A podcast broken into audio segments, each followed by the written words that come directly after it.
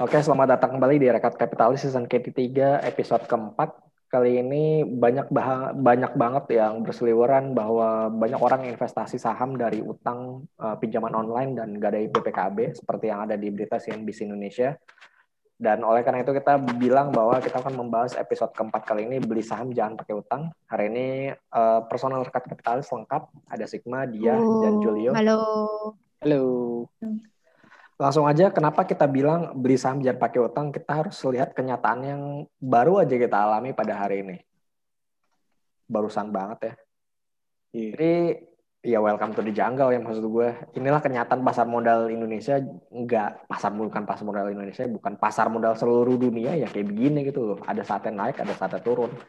Dan pada saatnya turun, ya lo lihat sendiri di sini, was kita turun 7%, Antam 7%, Pegas 5%, Bumi 7%, BPKP 7%, PTPP 7%, WSBP terus turun 4,38%, Inco turun 4%. Ini sih, uh, konstruksi mah gara-gara lo kengkong kan? ya enggak. Sebenarnya sih tadi pagi sempat naik kalau gue lihat-lihat. Tadi pagi sempat iya, naik. sebentar aja. Naik. Hmm. terus pas marketnya balik ke arah ya itu yang paling dihajar paling keras sih itu. Soalnya kan memang antam ini udah naik 60% seperti yang udah kita bahas kayaknya minggu lalu ya udah naik hampir 60 persenan di Januari doang cuman dalam beberapa hari doang gitu. Dalam beberapa hari bursa udah naik 60 persen. Dan sekarang udah di 2700 dan menurut gue ya mau gimana lagi ya emang kayak gitu kenyataan gitu. Naiknya terlalu kenceng. Kita juga udah bahas valuasi hmm. segala macem gitu. Dan gimana nih komentar lo pas kayak gini. Kalau gue sih jujur aja udah biasa ya kayak gini-gini ya. Soalnya kan iya be aja lah. ya be aja. Mungkin baru yang kalau kalau yang pertama kali investasi wah gimana nih segala macam dan seperti yang udah kita bilang tadi kan makanya beli saham jangan pakai utang ya. Karena ini kenyataannya unexpected yang kalian rasakan ya bisa seperti ini gitu loh. Kalau kalian uh, beli saham pakai utang apa segala macam ya ini hal yang bisa terjadi gitu. Saham bisa turun kapan aja kalau misalnya ada berita buruk suatu saat datang ya kejadiannya seperti ini. Iya. Dan ini nggak ada yang lebih parah dari ini malah. Iya, ada ada yang lebih parah dari ini. Tapi ini kan karena bursa masih ngebatasin penurunan cuma tujuh persen. Iya. Jadi ya tujuh persen doang. Gue yakin kalau ini nggak dibatasin, nih dua lima bisa 25 ini Antam segala macam bisa 25. Wah, apalagi Antam, Pak. Iya, apalagi Kemarin Antam. baru kita bahas. Iya kan? Antam bisa Baru kita bahas. Di Ini dulu dari di bawah seribu enggak? Iya, iya, maksudnya udah ya kita kan udah bahas valuasi segala macam di minggu lalu kan hmm. dan emang ini udah mahal banget dan udah naiknya hmm. kencangan gitu. Ya tapi hmm. sebenarnya kalau kita bilang ini saham ini bakal naik apa bakal naik lagi apa enggak? Ya mungkin aja. Iya nggak sih? Tapi kan nggak tahu. Tapi nggak gua nggak tahu. Nggak tahu Iya, kapannya, terus iya, naiknya iya, kapan, seberapa iya, banyak. Seberapa banyak gitu. kita nggak tahu. Bisa naik lagi ya mungkin aja. Kita mungkin karena nggak di endorse kayak iya jadi influencer aja. influencer itu jadi kita nggak ada kepentingan ya buat gak ada kepentingan dan da dari saham bagus dan dari saham yang top frekuensi hari ini kita nggak ada gue nggak ada yang punya semua jujur aja yang lu lain ada nggak ya ada yang punya nggak uh, was kita punya. Unilever. Oh, Sigma punya was kita Unilever terus? Uh, yang di sini sih itu doang dua. Yang dia tuh. Dia lu punya apa jadi yang ada di 10 ini? Unilever doang. Unilever doang. Lu work nggak ada? Mm -mm. Agak, nggak ada. Gue pribadi gue juga nggak ada sih. Jadi ya kalau misalnya di antara kita berempat ada yang punya saham ini ya wajar. Maksudnya namanya ini kan sahamnya banyak dan emang sebelumnya juga iya. ada Sigma juga megang dari bawah juga kan was kita kalau nggak salah. Iya. iya makanya biarin iya, aja. Iya makanya gitu biarin loh. aja maksudnya.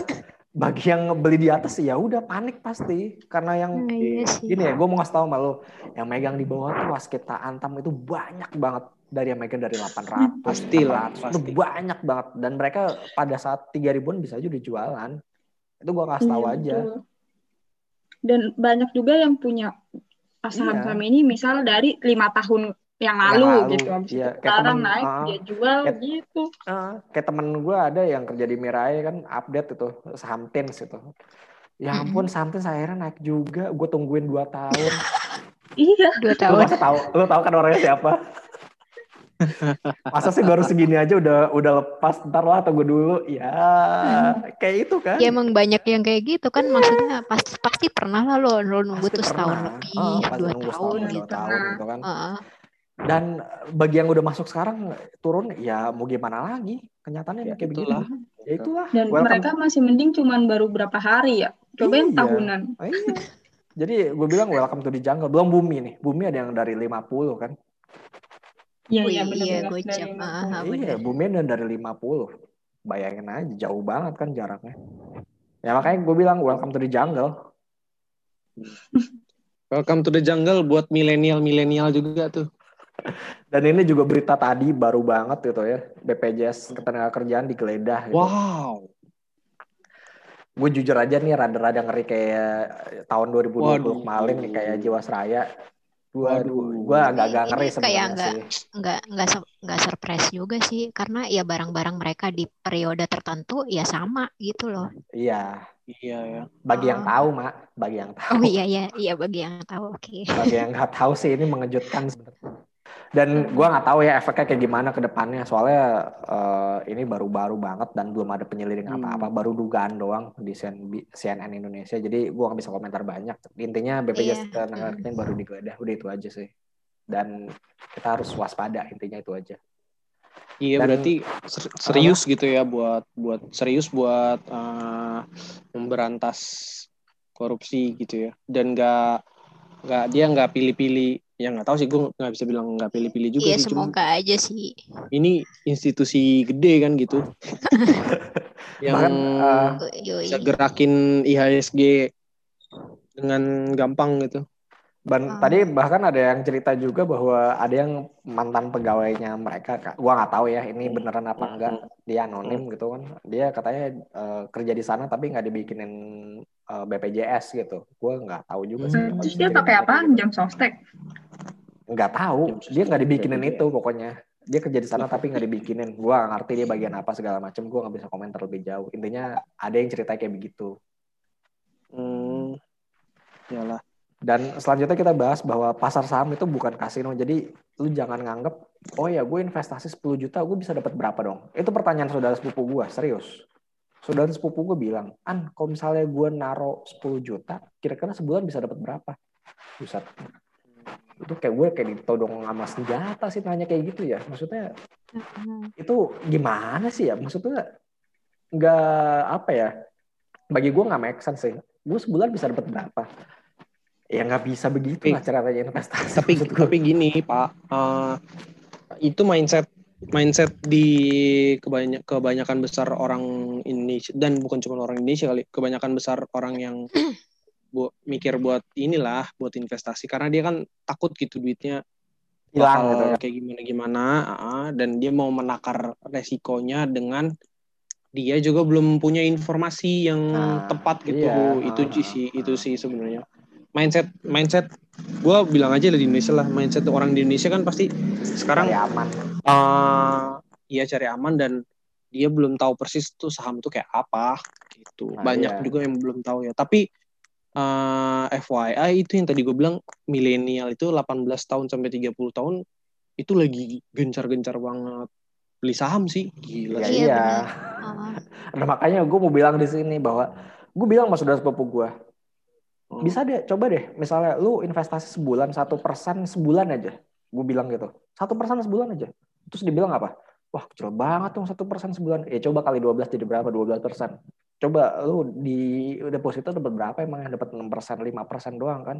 Lu di saham bisa dapat 12 persen gue bilang gitu. Lu cobain aja dulu satu bulan satu persen. Bisa nggak secara konsisten ya? Gue bilang.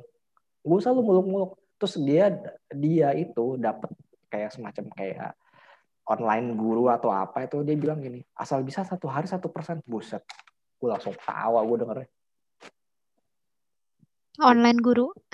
Iya online guru lah dia ceritanya nyari nyari iya, banyak di, sih nyari nyari di YouTube apa segala macam hmm. dan itu bayar loh dia bukannya gratis itu oh, bayar iya.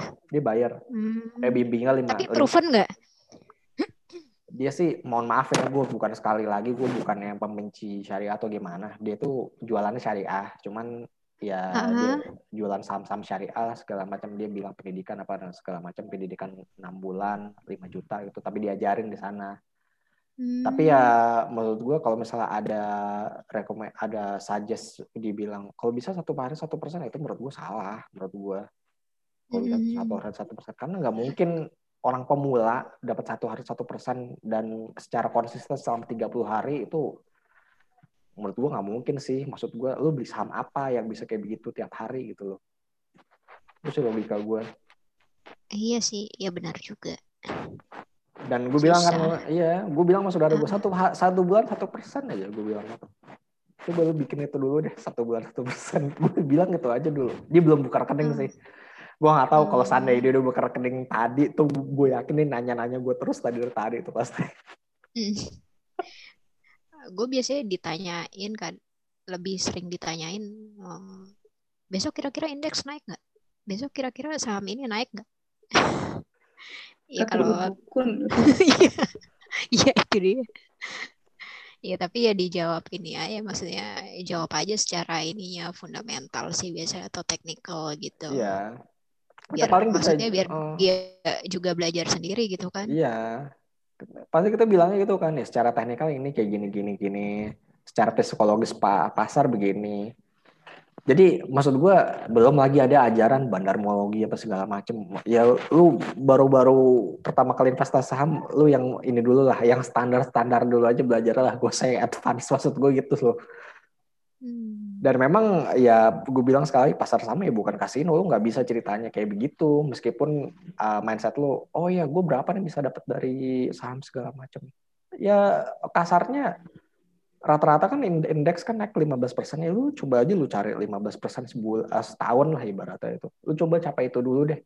Dan kalau bisa lu capai itu secara konsisten selama 5, 10 tahun, at least lu bisa 50 persen dalam setahun. Itu bagus banget. Menurut gue sih gitu. Iya. Lagian emang namanya style trading tuh dibentuk seiring waktu sih ya, nggak iya, bisa instan nggak gitu. bisa instan, lu nggak bisa kayak gitu. oh. gitu. Dan ini ada lagi, jangan gue bilang ini, jual saham di OLX ini, aduh apalagi ya maksud gue, lu jual saham di OLX itu lima ribu lot apa segala macam gue lupa, gue nggak tahu nih jumlah value-nya berapa ya, dijual saham KF, IRA dan INAF. Gue minggu lalu hmm. bahas hmm. IRA juga, KFA dan INAF juga udah pernah kita bahas sebelumnya gitu kan. Dan sekarang dia mau jual hari ya. ya mungkin ini iseng sih kok gue bilang ya. Iya, iya ini. Gue bilang ini iseng. Ini bercanda-bercandaan aja sih kok gue bilang. Ini pasti orang pasar juga yang bikin. Gue gak yakin ini ada beneran. Iya, mungkin, mungkin. gue yakin orang orang pasar ngeledekin orang-orang yang biasa, orang pasar, wah ini kayaknya jadi konten seru nih. Ya udah dibikin dipasang di OLX segala macam. Iya sih. Ya. Lagian masa gope sih dikit dong dia beli. Gua gak tahu dah. Dia bilang di sini lima ribu lot. Di penjelasan ah, lima ribu lot. Iya. Oh, di penjelasan di, penjelasan di lapaknya ada. itu ada. Di lapaknya ada. Oh. Harga dijual harga apa saham KF lima dua lima puluh lima ribu lot gitu. Gue lupa. Gue nggak salah penjelasan itu. Dijualnya lima ratus dua puluh ribu tapi. Gue nggak tahu. Ini kan biasanya angka OLX tuh karena angka yang ngaco mak. Oh gitu. Iya, maksudnya dia sengaja bikin murah biar orang tertarik ke iklannya dia. Biasanya kayak begitu, Mak. Hmm. Padahal harganya nggak okay. segitu. Oh gitu ya, baru iya. tahu sih. Gue sering yang di OLX pakai jadi tahu.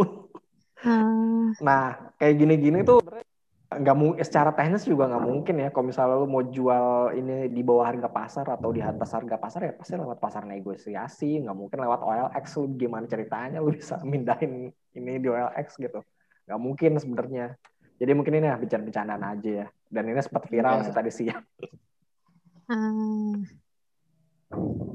Dan selanjutnya okay. mungkin kita investasi sih nah. pakai harusnya pakai ini ya uang dingin itu uang yang merupakan untuk uang yang disiapkan untuk investasi secara per bulannya nah mungkin bisa masing-masing bisa cerita nih bagaimana menyiapkan investasi yang dilakukan di masa lalu ya. Tentu kalau saat ini mungkin agak susah atau gimana. Mungkin di masa lalu pernah kayak gimana cari investasinya? Masing-masing ada yang mau cerita coba? Dia deh coba dia. Oh ya, kenapa gue ya? Oh, lu eh, biasanya investasi sebulan tuh berapa persen deh dari dari gaji dari lu lah? gaji gitu ya. 30 persen minimal. Minimal 30%, berarti bisa 40, ya. bisa 50 dong. Iya, tergantung Rutin itu. Ter, tergantung pengeluaran. Tapi kalau misalnya peng, lagi misalnya kan ada itu, pengeluaran. beberapa pengeluaran yang ada misalnya ada suatu momen something yang pengeluarannya gede gitu kan. Hmm. hmm, hmm. Nah, uh, itu biasanya minimal 10%, tapi jarang sih konsisten Jarang, ya? 30 sih. Iya. Konsisten iya. 30 ya. Nah, kalau dia ini berarti pakai konsep yang benar-benar disaranin oleh banyak orang tuh. Pakar apa? Pakar apa sih namanya tuh? Financial advisor gitu kan. Dia pakai 30% dari gaji dan itu memang disaraninnya kayak gitu. Jadi at least dari semua dana-dana yang ada 30% dipakai disisihin buat investasi. Nah, 30% ini lu di investasi di saham semua atau ada reksadana atau gimana, Di? Gue gue pecah-pecah ada reksadana, ada reksadana, ada saham eh reksadana tuh ada ada money market fixed hmm. income sama saham udah gue taruh oh, di gitu. situ doang hmm. terus yang paling besar di antara reksadana itu sama saham yang mana saham reksadana reksadana ya oh berarti ya, iya, uh, dia agak cukup agak sebenarnya agak cukup moderat sih sebenarnya kalau dia lihat lah ya gue taruhnya yang gue banyak tuh gue taruh di fixed income karena oh, gue nggak bisa beli ya? fixed income segede gitu oh, kan. Oke oke oke. Gue taruh di situ. Oke. Okay. Kalau lagi paket mah cuman ya udah udah daripada lu simpen di tabungan langsung mending lu simpen nah, di ya, market. Jadi ini dia bisa dicontoh ya kalau misalnya bagi orang-orang moderat itu pakai pakai strateginya dia bagus juga sebenarnya kayak gitu. Nah kalau Julio strategi lu apa? Enggak ada strategi. gue strateginya nunggu jebol nih tapi gue nggak tahu juga lah gue tahu nggak nggak maksud gue da, maksud gue hmm. kebiasaan lo gitu dari gaji lo kebiasa hmm. berapa persen gue sih belum belum menerapkan itu ya belum berapa menerapkan itu okay.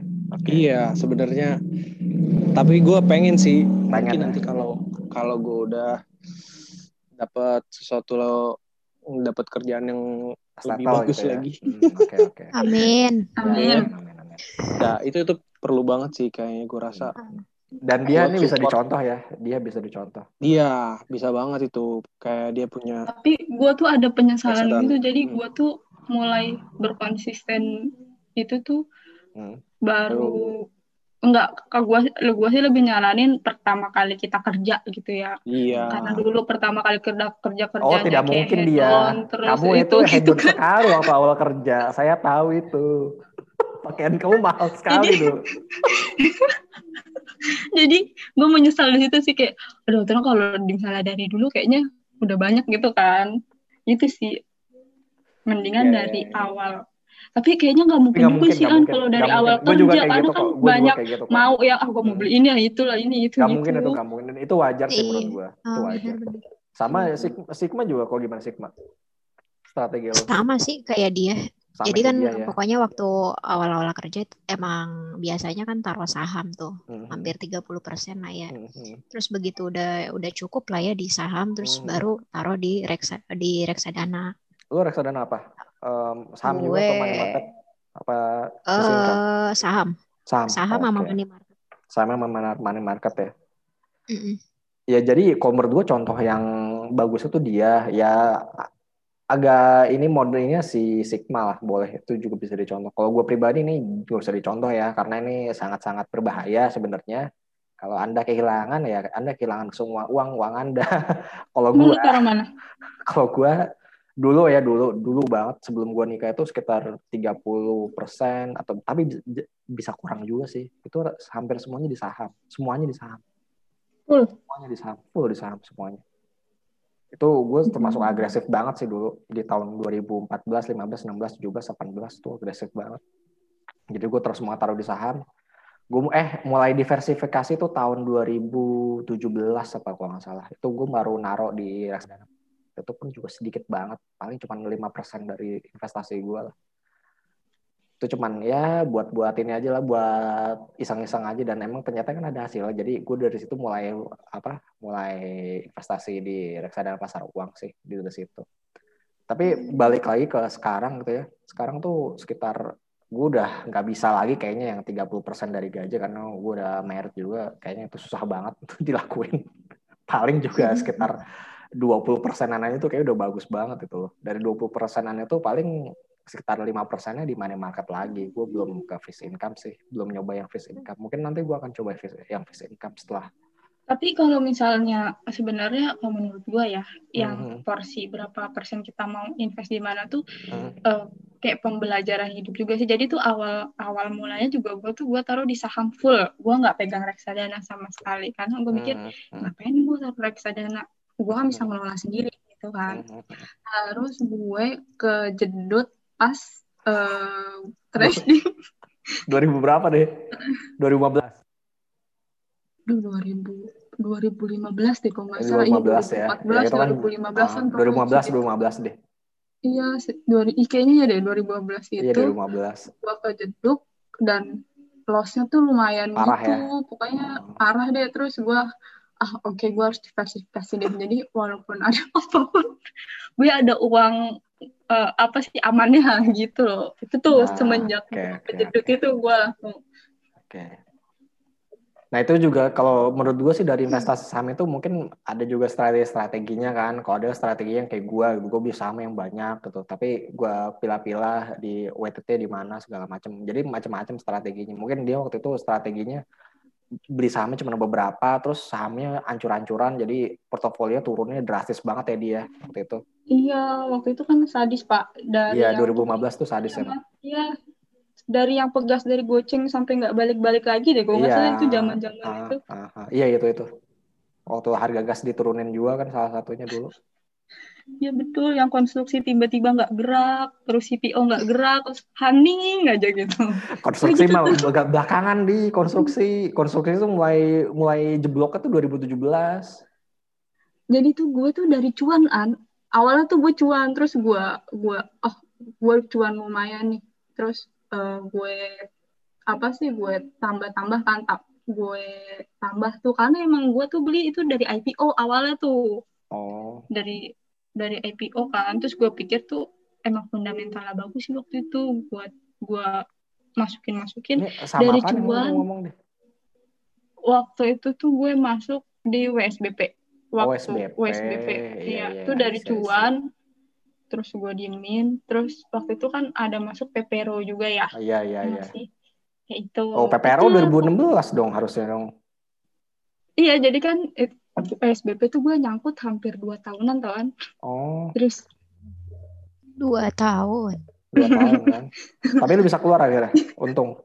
Keluar keluar tapi agak ngakat loh sedikit ya udahlah terus gue switching ke yang Lain. ke yang lain kan buat ganti modalnya sedikit. Habis itu baru gue pecah ke reksadana deh. Hmm. meminimalisir rugi lah gue di situ langsung. Hmm.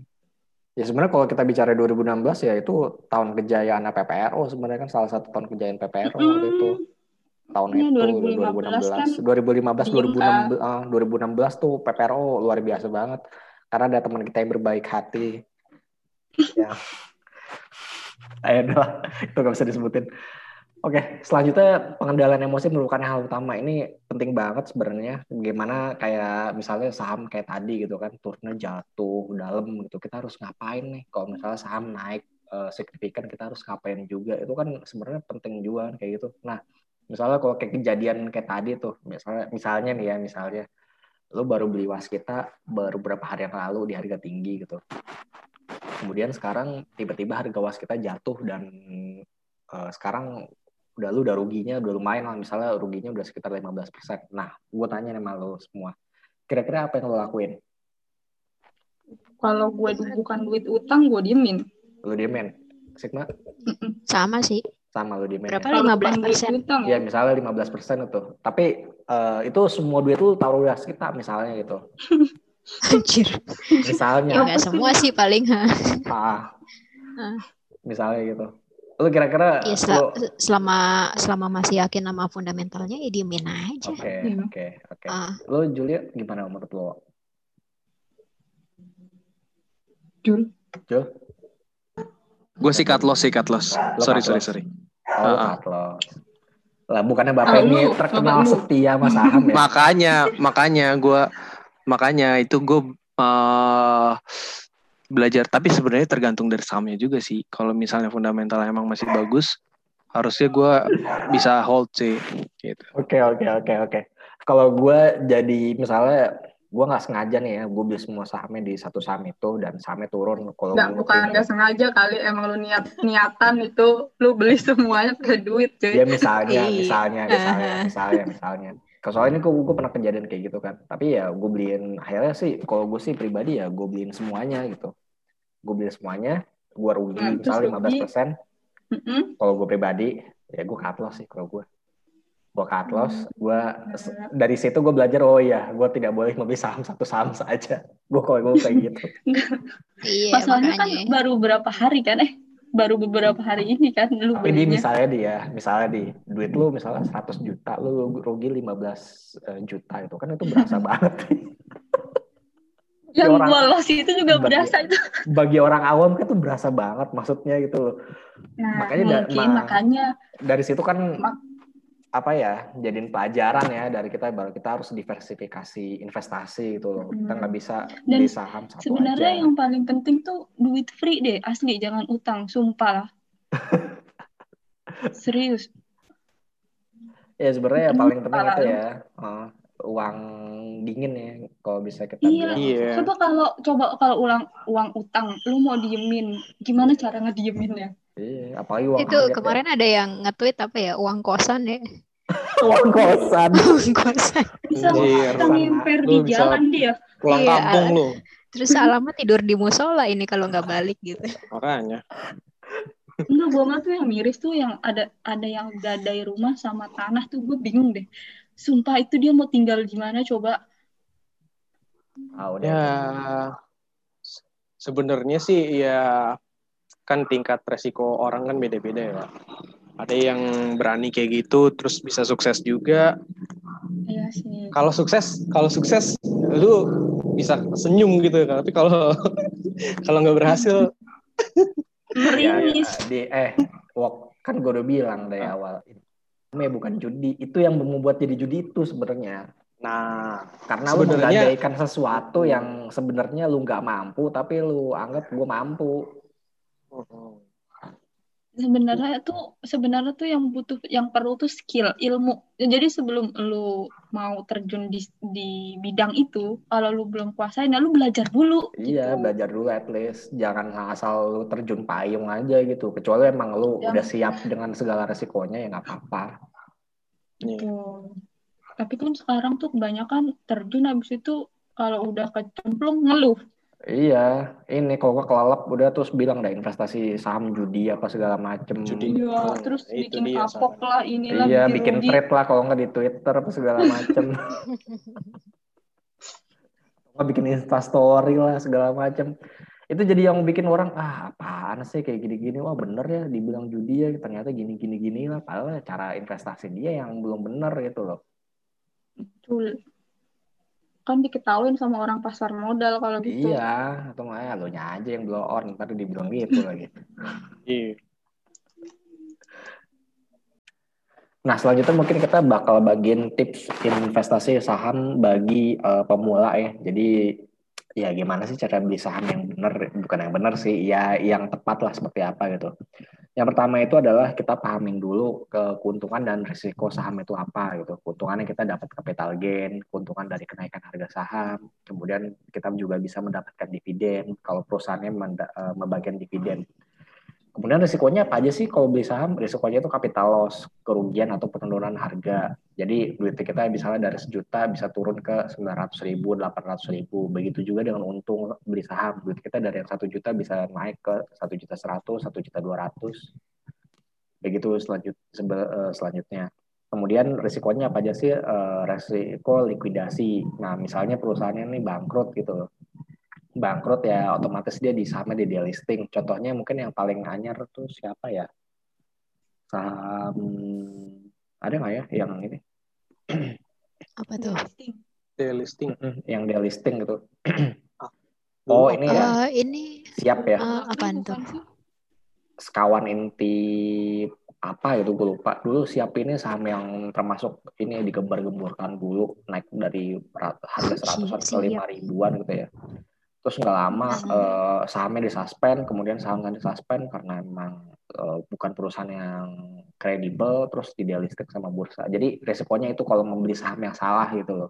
Makanya harus dipahami dulu keuntungan dan risikonya itu kita beli saham tuh apa aja sih? Ya ini risikonya sahamnya di suspend sahamnya di delisting dan si suspend ini bisa sampai tahu bisa sampai hampir setahun dua tahun gitu loh.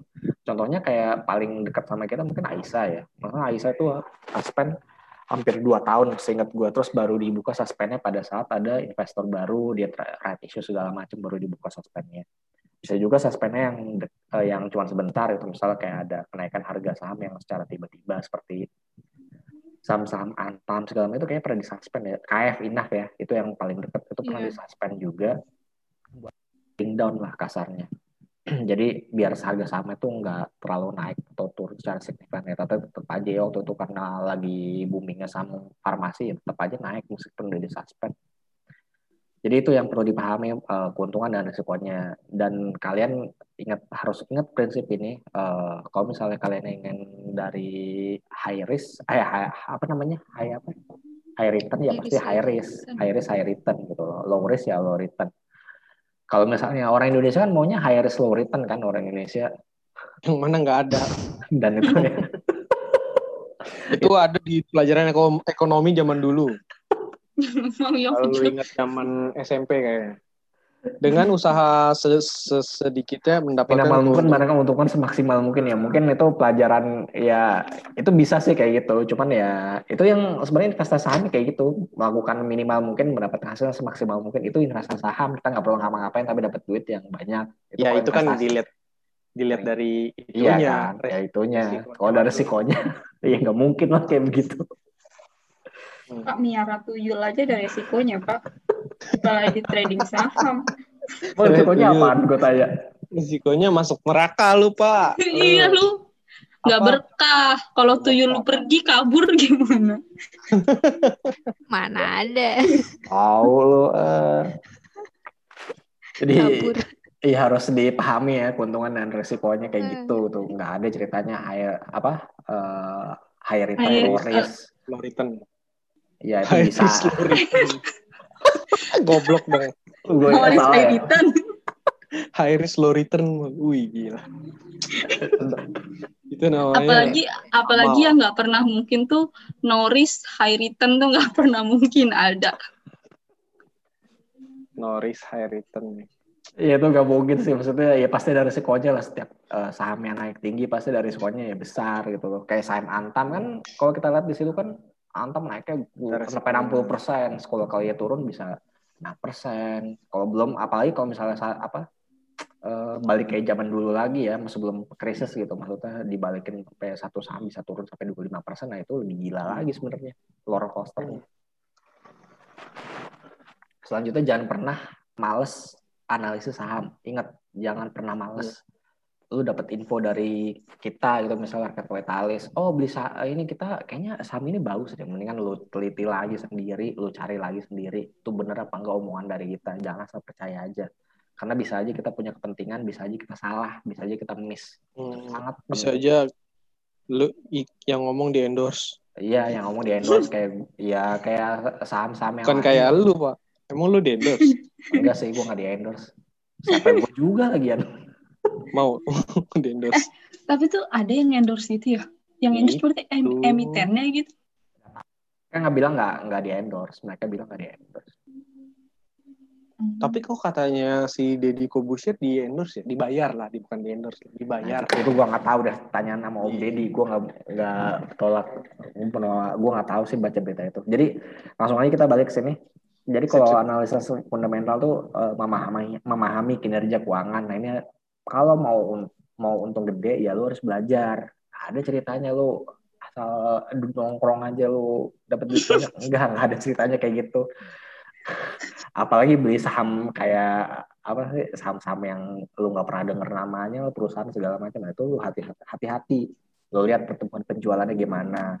Laba kotor laba operasional laba bersih aset ekuitasnya segala macam. Dia selama di IPO misalnya 20 tahun yang lalu. Nah, dari 10 tahun itu dia konsisten nggak? Dia uh, penjualannya terus naik, asetnya terus naik, laba bersihnya terus naik, segala macam. Dia kayak gitu nggak perusahaannya. Kalau misalnya hmm.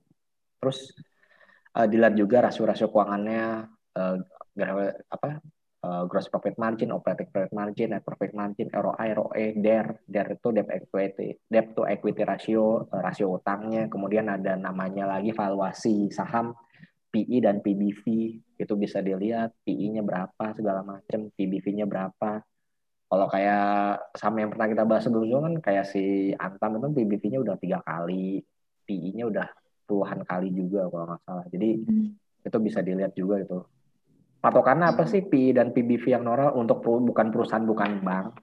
PI yang normal tuh antara 15 sampai 20 kali itu yang normal. Kalau misalnya perusahaan bertumbuh bertumbuh nih misalnya dia labanya bagus banget, ya 30 sampai 40 kali masih it's okay lah.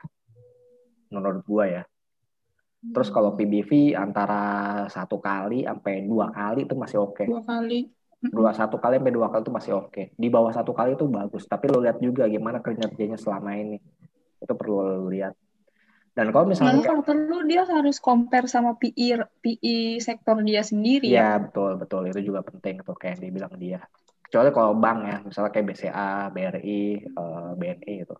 Kalau BCA sama BRI, eh, kenapa sih PBV-nya udah tiga kali, empat kali waktu sebelum krisis ya, sempat tiga kali, empat kali dan nggak turun-turun? Apa itu sahamnya mahal?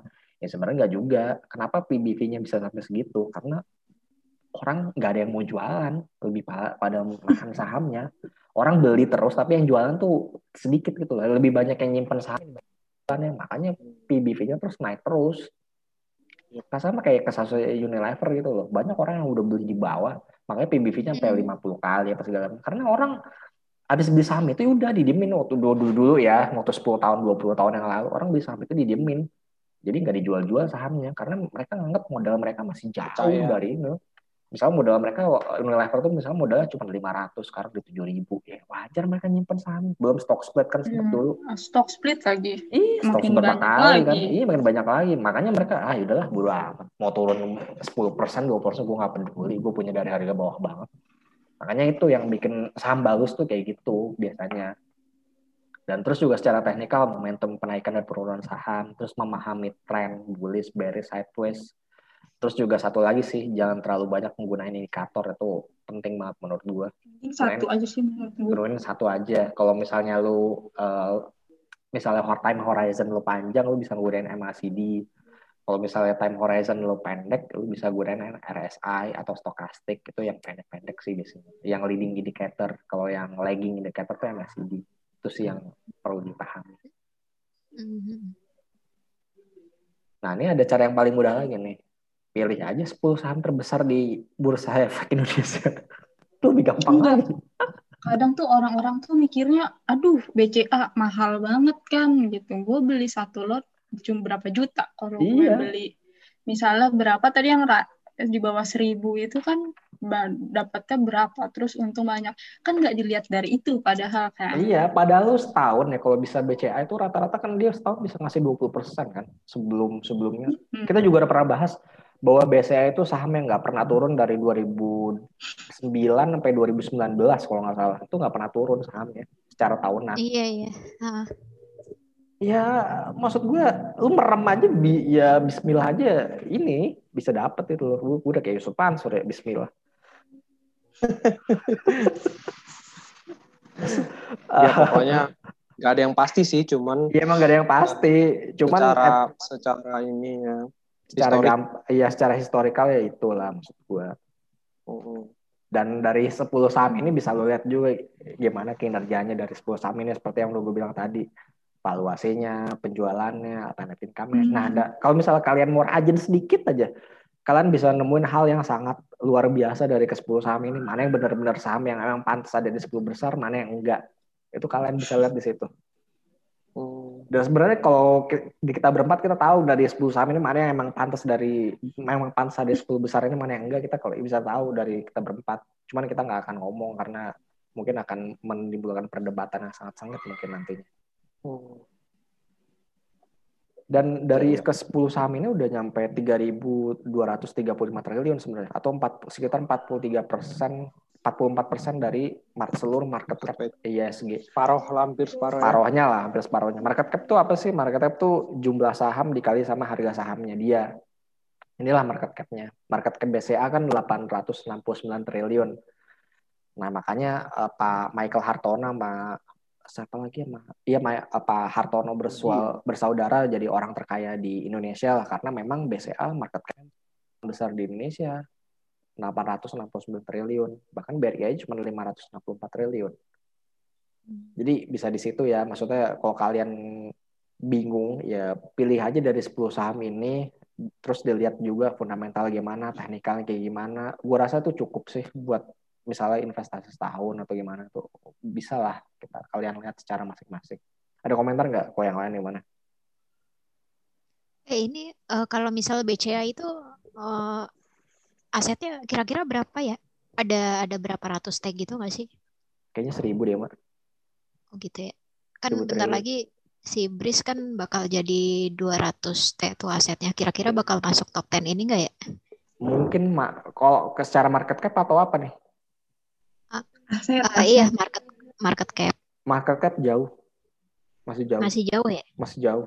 Market cap masih jauh. Seingat gue ya, masih jauh saya tahu gue. Belum nyampe ratusan triliun kalau salah.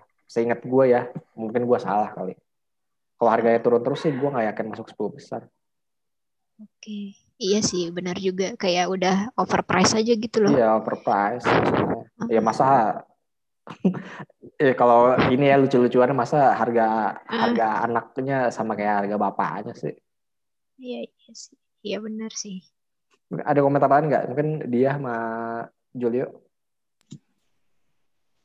Enggak sih gua yang tadinya uh, ibaratnya kan ini kita investasi duit gitu ya. Maksudnya duit yang enggak cap uh, yang perlu cari capek-capek bukan cuma dipetik doang pakai daun. Jadi ya sebelum lo terjun langsung ke dunia yang lo belum tahu belajar dulu gitu. Karena ilmu tuh mahal dan tren investasi saham tuh kayak butuh long last long untuk kayak uh, lo harus dapat feelnya untuk Iya kan pergerakan setiap saham tuh beda-beda. Kayak misalnya mungkin gue suka konstruksi PTPP, mungkin Aan Wika, terus Sigma WSKT, terus Julio Adi beda-beda gitu. Jadi sistem setiap orang tuh ketertarikan sahamnya tuh juga beda-beda gitu. Jadi hmm. lu nggak bisa samain. Hmm. Kalau beli PTPP sih, mending lu beli Wika kayak gitu tuh juga nggak bisa hmm. gitu. Hmm, Jadi ya, benar sih. Gitu loh. Pokoknya orang beda-beda ya. Banyak. Iya betul. Ya, ada yang suka saham fluktuatif, ada yang sukanya biasa-biasa aja. Ya. Biasa, hmm. Iya. Makanya ada pasar modal ya, karena sifat orang di pasar tuh beda-beda, nggak semuanya seragam gitu. Jadi jangan mentang-mentang. Kalau oh ya satu lagi kayak misalnya kan sering ngeliat kan ya orang pajang-pajang portofolio, mungkin lu kayak tertarik, eh dia cuan segini, gue juga mau ah beli ini nih. Jangan. For your information, yang netizen, netizen. yang yang majang itu pun pasti pernah loss yang banyak dan gue yakin sih seribu persen orang yang yang trading saham itu pasti pernah loss. Nah tuh dengerin dia tuh, dengerin, dengerin tuh. Kuping lo biar bohong. Gak mungkin untung. Tuh. Gak mungkin untung seratus persen tuh. Apalagi ya yang apa? Yang pokoknya yang pernah inilah. Yang pernah. Jadi lu jangan tampilin. terperdaya juga cuman melihat capture portofolio orang. Kan hmm. capture portofolio orang kalau lagi bagus. Besok jeblok ya jeblok juga itu portofolio. Apalagi Biasanya yang orang menampilkan yang bagus kan iya iya betul betul betul. Uh, apalagi nah, yang apa? ditutupi Ingat. apa tuh?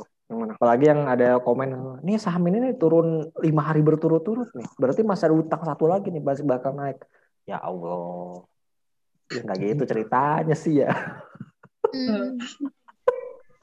ngomong kayak gitu deh. Ini saham ini udah lima hari lima hari berturut-turut nih turunnya nih. Ini saham ini baru terus dia selanjutnya dia saham ini naik empat hari berturut-turut. Masih ada satu utang sehari hari lagi bakal naik nih. Ya nggak gitu cara mainnya sih ya. kalau tahu kalau begitu caranya pegas bisa balik ke enam ribu? Udah turun berapa bulan ya? Berapa tahun turunnya bumi bisa balik ke lima ribu. Delapan ribu kalau ceritanya kayak gitu iya. bakal balik lagi. Betul nggak. Dikira se kalau semudah itu sih ya gue ngapain capek-capek jualan saham? Gue dimin aja oh. maksudnya nggak perlu cut loss segala macam karena gue yakin bakal balik lagi. Kalau bukan saham yang bagus ya udah dia akan turun terus harga sahamnya kecuali dia saham Dan gue yakin kalau begitu terus, kalau cuman semudah itu, orang Indonesia pasti banyak investor. Nggak mungkin kerja di kantoran, Iya. nggak mungkin. gue bisa tidur-tiduran coy, cuman trading udah selesai. Iya. Nggak, Oh, udah gitu. Bah, wah udah turun lima hari. Ah besok pernah masih ada. Oh baru empat hari masih ada sehari lagi. Tidak. Tidak semudah itu. Wah udah turun setahun nih. Wah berarti ntar depan nih bakal naik terus nih bro. Tidak, tidak. Tunggu Ada logika yang yang menyesatkan. Bener ada loh, sih gue gak mau nyebut siapa pasti lu tau lah yang ini. Ada dia ada terkenal banget deh dia pokoknya. Gue ngomong-ngomong siapa pasti ada lah yang pernah ngomong kayak gitu. Gue gak mau ngomong siapa. Tapi lu lihat perhatiin ada yang ya dia baru-baru ini Iya, lah iya, pas iya. tahap mungkin. Hmm. Jadi ya, Ya. mungkin itu aja dari kita semua. Kalau ada misalnya ada yang tersinggung dengan kita, ya kita minta maaf. Kita nggak bermaksud menyinggung apa-apa. Kita Betul. cuma menyampaikan apa adanya aja. Jangan sampai wah ini menjelekan si ini nih si itu nih. Ya udahlah. Ini cuma kita mau apa ngasih tahu investasi saham. Kita ngasih ya, tahu inputan Hmm. untuk pembelajaran aja ya. buat kita semua gitu loh. Dan kita juga mau disclaimer segala rekomendasi analisa saham oleh rakyat kapitalis melalui YouTube dan podcast hanya opini pribadi. Kita nggak bertanggung jawab atas keuntungan dan kerugian yang Anda alami dari aktivitas investasi yang Anda lakukan. Karena jangan tuntut kita kalau misalnya, wah ini dia bilang sesat ya, ya jangan lah. Maksudnya kita di sini opini, oh semua orang kan berhak beropini gitu. Dan jangan lupa untuk like dan subscribe akun YouTube Kapitalis. Gue Farhan, Julio, Sigma, dan dia pamit undur diri dulu. Kita akan berjumpa kembali di episode berikutnya. Bye-bye. Bye. Bye.